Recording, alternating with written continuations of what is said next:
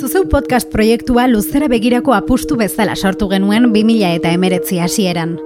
Hiru saiorekin hasi ginen, tartean entzuten ari zaren bipareta. Orain, Euskal Gaizkileak seriearekin lau dira ekoizten ditugun podcastak.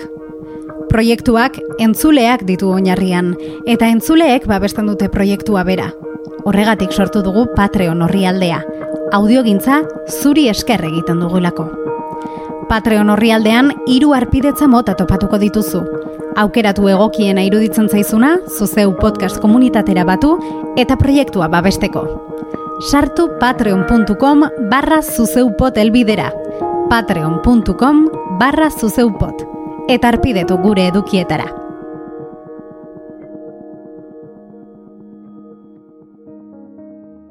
Kaixo, zer moduz? Arrate Hernandez oiarbide naiz, eta hau, bipareta da.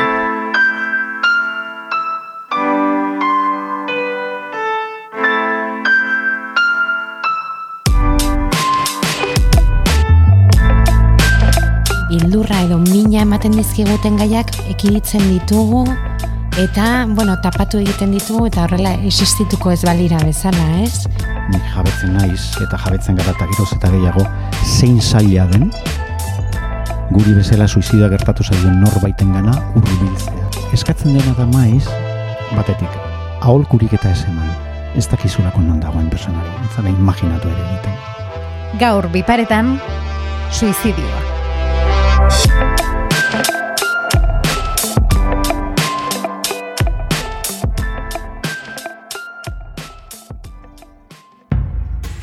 Ba, hoi da, e, pentsatuko bagenu bezala emakumeak jasaten duen bortizkeriari buruz hitz egingo ez bagenu horrela e, gauzak hobetuko leiratekeela, ez? Deno eragiten digun afera da eta denok gara erantzule. Isiltasunarekin eta aurre iritziekin austeko garaia da. Ezin dugu beste alde batera begiratzen jarraitu.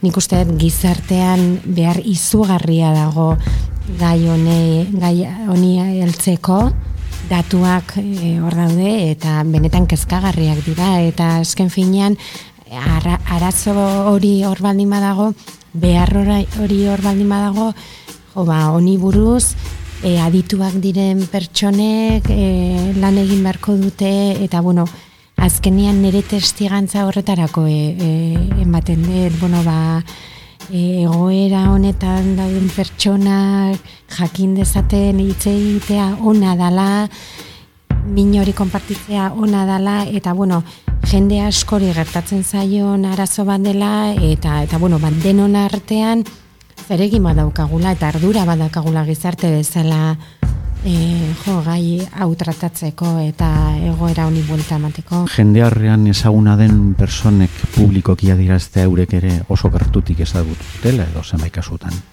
Pasaiak eraren bat egin dutela. Normaltasunez, hitz egitea, de horretan sartzeak, nik uste onura handia egingo diola honi. Ze askotan izan, izan dudan moduan, hitz egiteak, ez du inori ditzen suizidari buruz egiteak baina ez hitz egiteak hil egiten du. Biziraun elkarteko bi kideren esperientziak ezagutuko ditugu. Nora gorosa batetik eta Agustin Erkizia bestetik elkarteko sortzailea.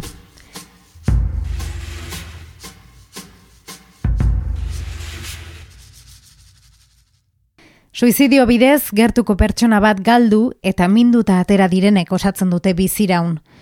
2000 eta amazazpirarte etzen alakorik Euskal Herrian, eta hasiera batean, Agustin eta emazteak, elkartea sortu aurretik, Bartzelonan topatu zituzten erantzunak, borrasek sortutako DSAS izeneko elkartean. Jabetu ginen, ba, zoritxarrez gure egoera berean zegoen jendea, nola, nola bizi zuen, errealitate hori, errealitate gordin hori, eta gai ginen, begiraden hizkuntza ulertzeko elkarri, begiratuta, ez? Horrelakorik hemen ez gen ez genuen inoiz ere aurkitu izan. Eta datoi begiratuta ikusten genuen, ba hori txarrez urtero jende desentek suizidatzen zela, baina ez zegoen inolako mugimendurik ez. Orduan, utxune horri aurre egiteko edo sortu zen bizira. Elkarte. Garrantzitsua da zu bizitzen ari zean hori ulertzen duan norbaitekin hitz egitea, ez? Nei gertatzen zitzaidan, ba, e, jendiak bere borandate honez, ba, gomendioak ematen zizkiaten, edo e, bai profesionalak, edo bai lagunek e, gomendioak ematen zizkiaten, baina enintzan, enintzan sentitzen konprenditua, ez? Eta eskenian aurkitzen desunian e, pertsona bat, zu zuk dakasu mina ulertzen duena eta zu pasatzen nahi zeana pasaduna, jo ba, eroso sentitzen zera, badakizu ez duela aurreritzirik izango, zuk ere zure aurreritziak kentzen dituzu, porque horiek dira azkenean e, gure etxainik handienak, ez? Mm -hmm. dauzkagun aurreritziak, eta ba, azkenean toki bat aurkitzea e, zure mina konpartitzeko eta hori harinagoa izateko baneretzako oso oso garrantzitsua izan zen.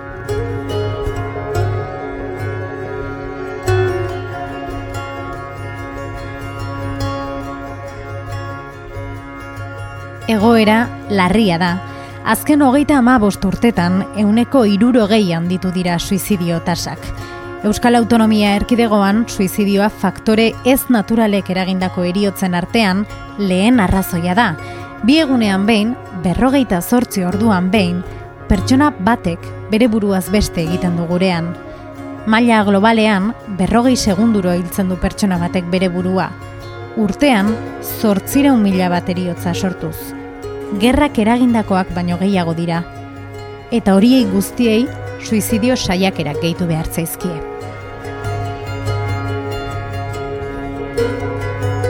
Eta noski, suizidio zildako eriotza asko ez dira erregistratu ere egiten, beste arrazoi batzurekin estaltzen direlako, edo zeinbait herrialderen kasuan bezala, ilegala delako.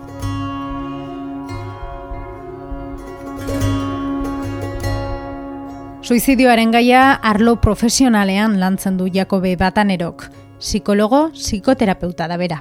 Gaia berez oso arraza hitz egiteko, baina ezin da egin, ez? Da, debekatuta dago edo gaineraz dago laguntza e, soziala, bueno, sare instituzionala e, beti ba, osasun asuntuetan murrizketak daude beti, orduan lantzen da depresio bat, adikzio bat, lantzen da arazoak sortzen dituena, ez? Eskolan, eskola, eskola bezala, eskolan, ba, arazoak sortzen ditu aurra edo nerabea horri laguntzen zaio, baina gezki dagoena, baina ez duela molestatzen, ba, ez zaio laguntzen. Orda, moduren batean, zarai, zarata egiten ez dionari ez zaio laguntza bat eskaintzen, da biktima isilpeko biktima bat,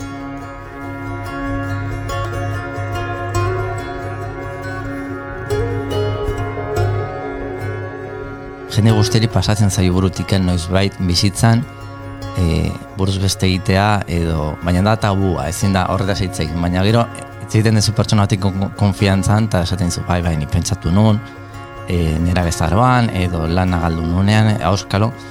Isilpeko biktima bat gutako edo nor izan daitekena.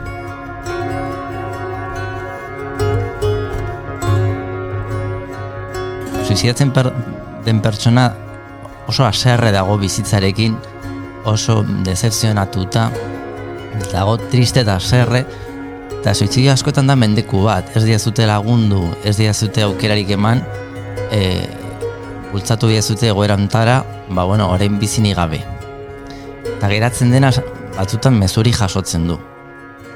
Ez dizu lagundu, horrekin bizi nahi dut, e, e, bizi behar dut horrekin, benetan, oza, zuk egin dezu nik ezin dut egin, eta askotan e, hemen mundu netetik juten dena batzutan arrazoaka eta benetan bere albokoak ez diote lagundu edo beste batzutan lagundu diote baina hain gaizki zegoen triste zegoen deprimituta hain etxituta ez zuela laguntza hori jaso eskertu aprobetsatu baina geratzen dena geratzen da utxun horrekin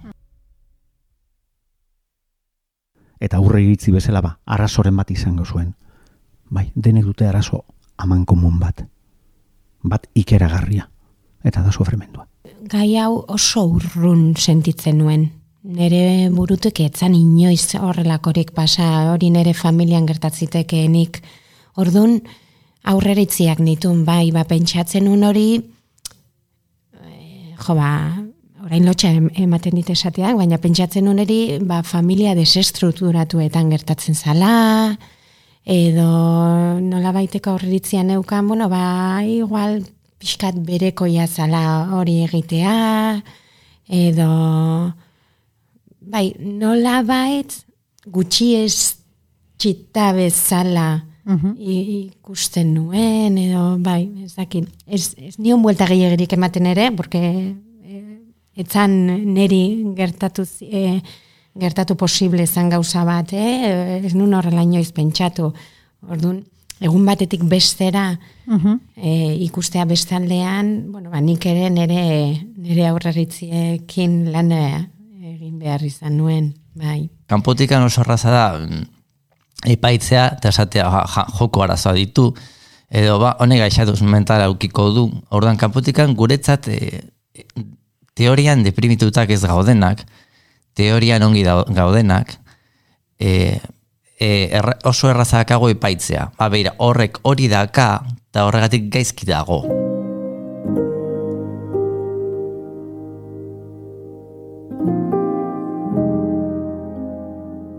Ni ordez ongi nago, ba, batzutzen gaizki nago, baina ba, da egoeraren arabera, besteak eske horrela da, bai? Ze, psikologikoki dago fenomeno bat, nun beti pentsatzen dugu gu, norberarena ba, egoeraren ondorioa dela, nola egoera ba, influitzen didan, eta horrela egiten dut, bai?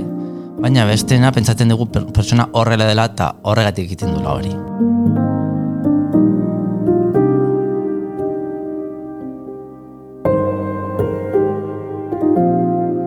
Baina ez dakiguna da, bere buruaz beste egin dutenen artean, erenak bakarrik jaso duela laguntza psikologikoa aurretik. Beraz, bi eren horiekiko, aurre iritzirik ezin daiteke jarri esanez, zen maiz esaten da, suizidatu direnen euneko larok eta amarrak osasun arazoak zituen. Nola raio iristen zara ondori horretara, jakinda, eren bat bakarrik handela, erena, osasun zerbitzuetatik pasa izan dena. Beste biek, bi erenek, zu baldakizu ze arazo zeuzkaten. Ez dakizu?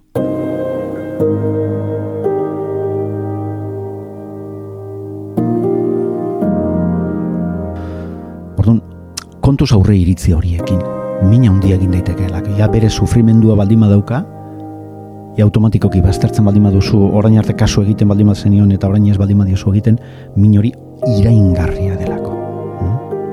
Zoriontasunaren diktadura bizi dugu, zein zorion txugaren erakutsi behar dugu, gure lorpenak lau aizetara zabaldu. Oso ondo dago hori bai, baina bizitza zenbaitetan gogorra ere bada. Zergatik ezkutatu.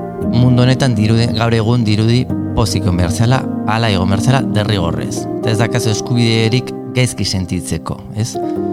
E, gaina, hortan matxismoa sartzen da, baina alde guztitan, osea, emakumea zaintzai izan behar du, derrigorrez, orduan ezin da gaizki egon, besteak zaindu behar ditu, baina gizonak matxismoaren bai- bidean egun behar da indartxu eta ongi beti, eta denaren kargu egin, orduan ez die laguntzen. ez- E, kasu honetan matxismoa ez die laguntzen inori. Azkenen, pertsona bezala dakagu eskubidea gaizki egoteko, gaizki sentitzeko, sufritzeko, eta askotan ondokoa esateko, jo, ba, arrazoi ezu, bizitza gogorra da, momentu hau ba, oso txarra da, o, pasako da, baina pasarte, ba, ekaitzan, ba, gogorra da.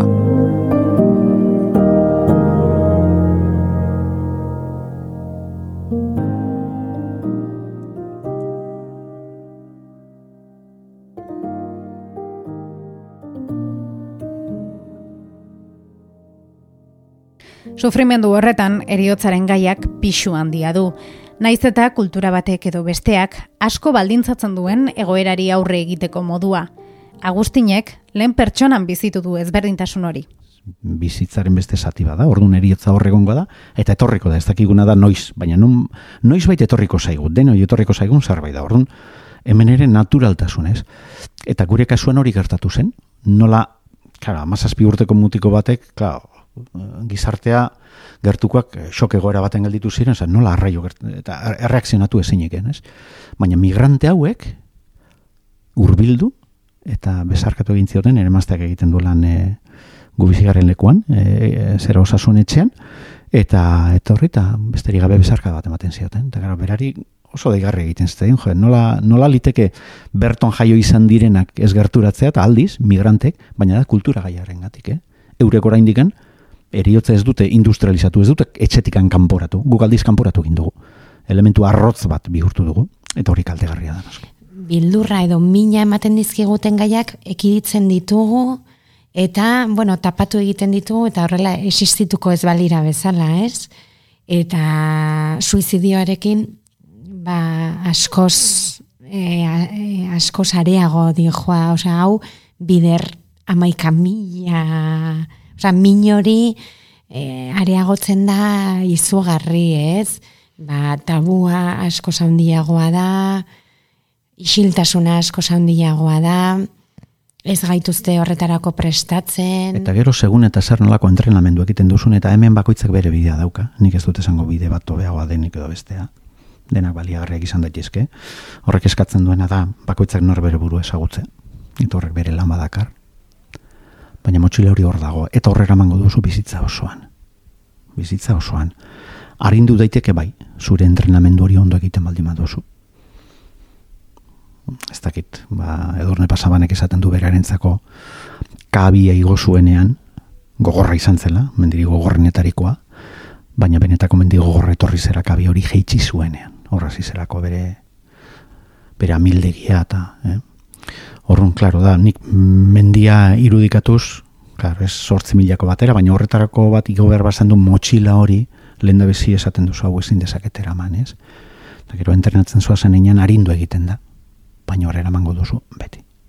Denok itzala dakagu, eta gure itzalan daude gure minak, gure akatsak, gure galerak, gure galdu ditugun personak, eta gure itzanarekin bat daude. Gure parte dira, baina gure ondoan daude beti, batzutan ahaztutzen gea itzala akagula, beste batzutan gogoratzen dugu itzala akagula.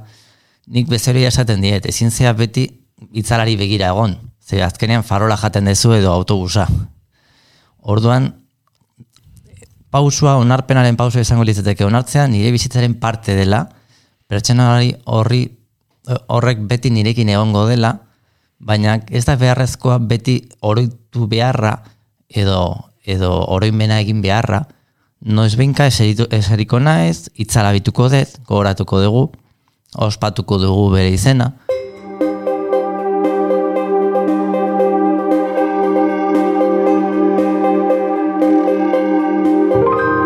gaia naturaltasunez eta zenbaitetan umorez ere hartzeko beharraz mintzatu zaigu Jakobe psikologo psikoterapeuta. Umorea erreminta eraginkorra izan daiteke, ondo erabilita beti ere. Bakardadeari aurre egiteko eta bizitzeak merezi duela gogoratzeko. Zuta ez ez farrengo, baina zurekin batera farrengo, eta farrengo dugu zure goera, eta ez, posibilizu planteatu, ba, ba, egingo dugu tratu bat, e, mesez, nire gatik ez hil goz, bai, utziko dugu beste jabete bateako, eta juten gai ikusten, oi, eta hilko bat zea, bai, itxen pixka eta lehenengo nirekin egoten zea itzeiten dugu.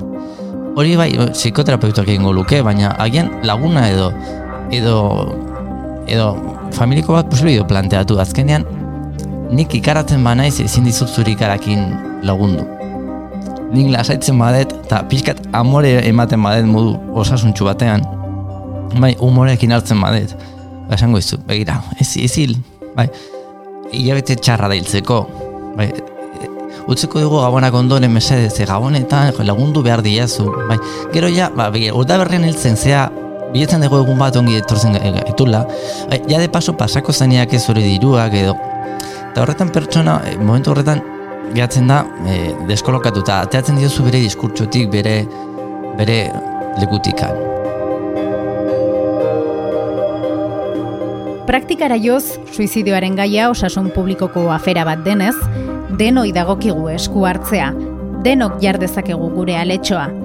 Eta horregatik da hain garrantzitsua prebentzio plan bat izatea, errealitate kultural eta sozial bakoitzari egokituta. Eusko Jaurlaritzako osasun sailak aurten 2000 eta emeretzian ateratu berea, epe motz eta luzerako berrogeita amazazpi neurri proposatzen dituena. Munduko osasun erakundeak bere aldetik, 2000 eta amalauean kaleratu zuen suizidioaren inguruko lehen informea. Hori bai, plan horiek transversalak izan behar dute, gizarteko eragile guztien kontzientzia eta akzioa beharrezkoa baitira. Tartean, edabide ona. Nik uste dut e, gaia landu behar dala, baina era egoki batetan.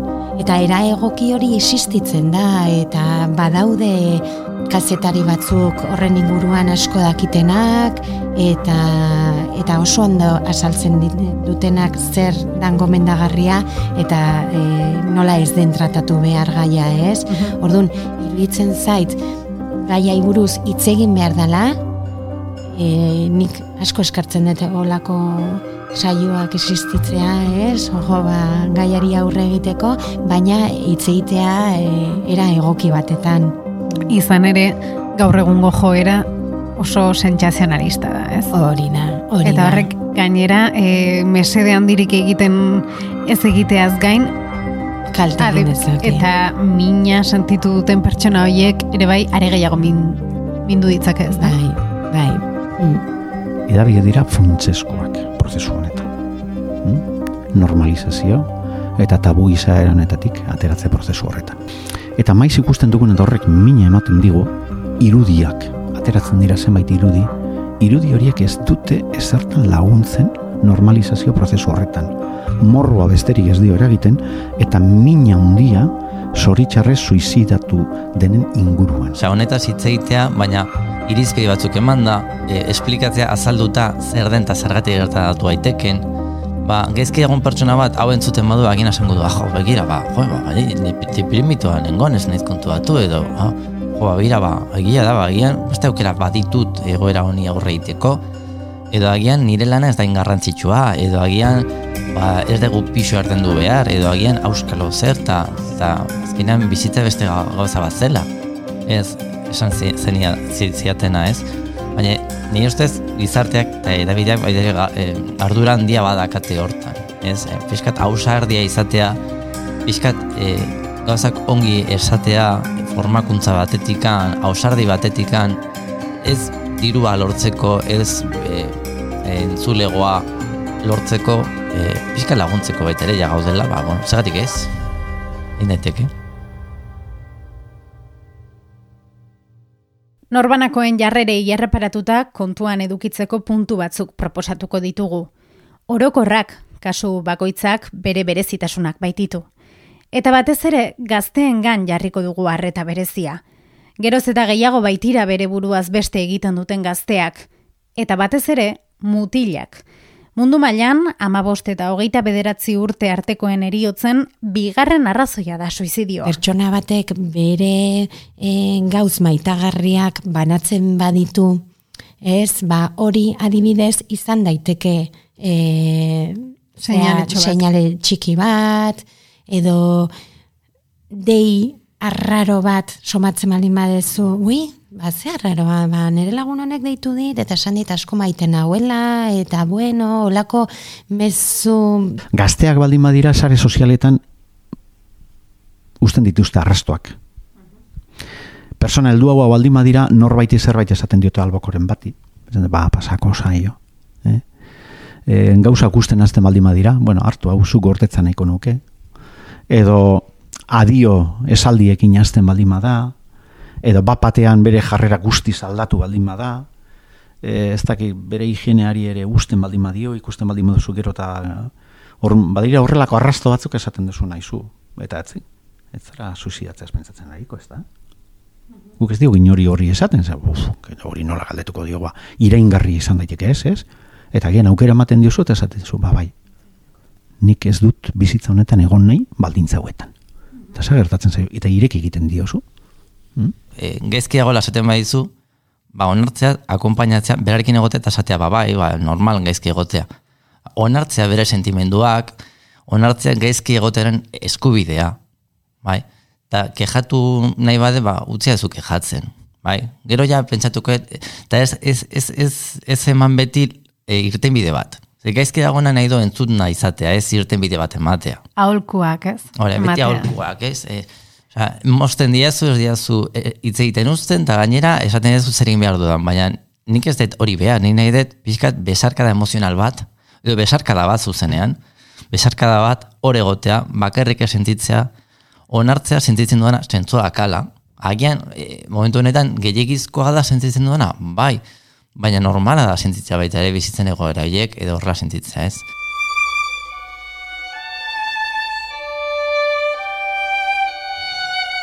Mina daukan pertsona batekin zaudenean azkenian hor egotea, onduan egotea, ez da hitzik esan behar, ez da esaldirik esan behar, ez? Baina bera jakin dezala hor zaudela eta nahi baldin badu eta nahi duenean hor egongo zarela bera entzuteko.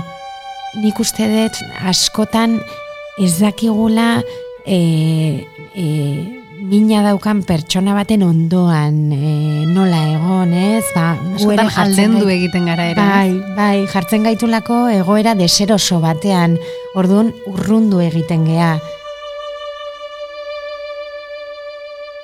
Bada, garrantzitsua da alboan egoten jakitea.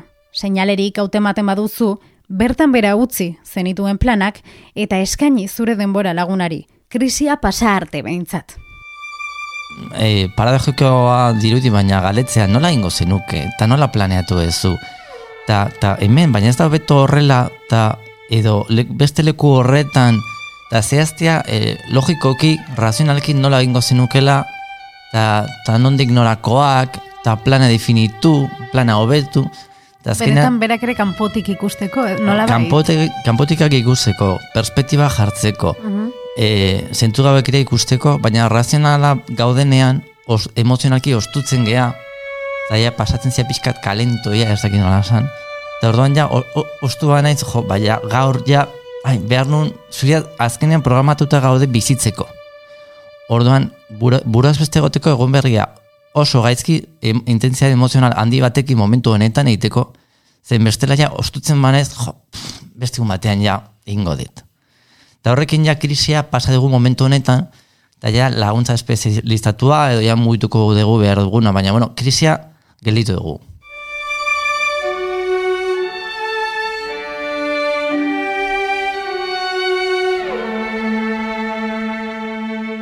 Batzuetan minak ez digu aurrera egiten utziko, eta hori ere jakin behar dugu, baina argi eduki, beti dagoela irten bide bat eta egoera beltzak ez direlako betirako. Eta beti egongo da argiune bat, ez? Mm eta hori esango nioke daudela pertsona asko bera laguntzeko prest bilatu behar dituela. Batzuetan ez daudenak edo batzuetan ez direnak gure ingurukoak. Ez, zagian gure bai. inguruan ez dugu jasotzen babes hori eta horrek e, sentiarazten gaitu gaizki, baina beti pentsatu behar dela ez, e, norbait bai. badagoela, bai. ez? eta irtera badagoela. Bai, hori da. Eta azken finean, igual, momentu horretan bilatu dezakezu laguntza, ba, espero ez dezun e, pertsona batetan, ez? Itz egin dezagun, eta aldarrikatu eziketa emozional bat, denontzat. Adin, genero, jatorri, zein klase sozial guztietako pertsonentzat. Zure, zure lehenengo elkarrizketa? Bai. Bai, eta, eta bikain egin duzu. Ai, eskerrik asko oso urduri nago. bikain egin duzu egiten. E, bihotzez eskertzen dizut asko. Eta oso gustora egon naiz. Bai, nik eskertzen dut horrelako e, proposamenak egitea, ez? Ba, elburua, kasu honetan elburua argi dagola, ez? Gaia profesionalitatez tratatzea dela. Eta, eta bai, eskerrik asko zuei. Agustin Erkizia bihotzez mia mia esker. Zuri, aukera hau eskaintza egitek eta nahi dusun arte. Ba, Jakobe Batanero, mila mila esker, zure laguntzaren gatik. Ez horretik, eskerrik asko gaditza